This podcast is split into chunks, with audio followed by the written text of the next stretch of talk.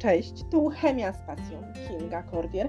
Witam Cię serdecznie w kolejnym odcinku mojego podcastu. Być może po przesłuchaniu tego podcastu powędrujecie do Waszych lodówek. Czemu? Słuchajcie. Stereoizomer L-tyrozyny znajdziemy w popularnych preparatach stosowanych przez osoby regularnie ćwiczące. Jakie ma działanie? Zwiększa odporność na stres, polepsza koncentrację oraz zwiększa wydolność naszego organizmu. Ułatwia też opalanie na słońcu, ponieważ wspomaga produkcję melaniny w skórze. W przypadku niedoboru tyrozyny następuje spadek poziomu dopaminy. Jaki to wszystko ma ze sobą związek? Co chciałam powiedzieć? Idźcie do lodówki i sprawdźcie, czy macie tam ser.